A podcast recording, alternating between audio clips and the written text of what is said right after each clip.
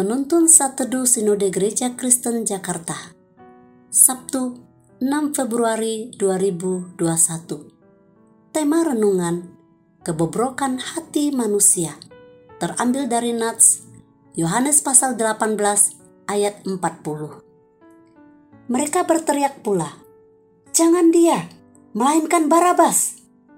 Barabas adalah seorang penyamun Seorang ibu bercerita kepada saya, ia kaget dan heran ketika anaknya yang baru berusia tiga tahun berbohong. Karena sejak dari bayi tidak ada yang mengajarinya berbohong. Makin besar anaknya sering berbohong bahkan bisa mengarang cerita untuk memutarbalikkan fakta, menutupi dirinya bersalah.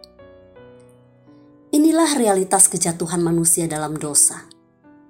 Sejak kejatuhan manusia pertama Adam dan Hawa, maka manusia pada dasarnya memiliki natur berdosa. Sehingga manusia membutuhkan pertolongan Tuhan untuk memulihkan hubungannya yang rusak dan tergenapi oleh kelahiran Tuhan Yesus Kristus, kematiannya di kayu salib, dan kebangkitannya. Kebobrokan manusia yang sudah jatuh dalam dosa juga dapat kita lihat di dalam persidangan Yesus dengan Pontius Pilatus saat ditawarkan siapa yang ingin dibebaskan. Orang banyak memilih Barabas. Matius pasal 27 ayat 26. Barabas adalah seorang penyamun dan pembunuh. Sangat kontras dengan Yesus yang adalah seorang nabi, seorang yang suci, seorang Mesias anak Allah yang selalu tunduk pada firman Tuhan. Kebencian rakyat itu sangat mengerikan mereka menutup mata dan telinga mereka dan terus berteriak, "Salibkan dia! Salibkan dia!" Mereka tidak mau mendengar pembelaan, bukti-bukti yang mungkin menyatakan kesalahan mereka. Mereka hanya mau satu hal: Yesus tergantung di kayu salib sampai mati. Manusia begitu jahat, lidah penuh dengan tipuan munafik mulut penuh dengan ucapan-ucapan kejam dan sumpah serapah.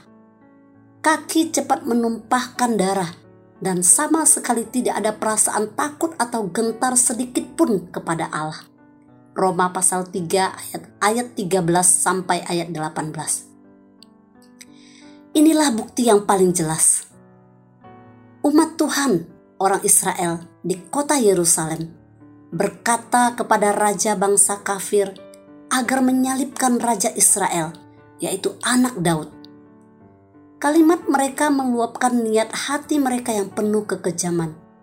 Hati mereka lebih dikuasai oleh nafsu, iri hati, kebencian. Kita juga dapat melihat kekejaman hati manusia saat penyaliban Tuhan Yesus di kayu salib. Meski hal ini memang harus terjadi untuk menggenapi rencananya memberikan sebuah pengharapan dan keselamatan bagi dunia yang berdosa. Sadarkah kita apa yang Yesus sedang alami pada saat itu? Bagaimana mungkin kita tidak gentar melihat kebencian sedemikian besar diberikan kepada Yesus? Kebencian seperti ini belum pernah mereka luapkan kepada Barabas si pembunuh. Kebencian sebesar ini belum pernah mereka nyatakan melawan Pilatus atau pemerintahan Romawi.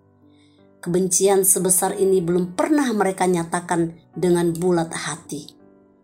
Hanya kepada Yesus mereka menyatakan kebencian yang sangat ini. Sadarkah kita siapa yang Allah sedang ampuni? Kepada siapa Allah selama ini bersabar? Kepada bangsa yang tegar tengkuk dan penuh dosa, kecemaran, dan kebencian. Betapa besar kesabaran Allah kepada umatnya. Penolakan orang banyak terhadap Yesus berarti penolakan terhadap kebenaran. Memilih Barabas berarti memilih mengikuti bersahabat oleh kegelapan dunia. Tuhan Yesus memberkati.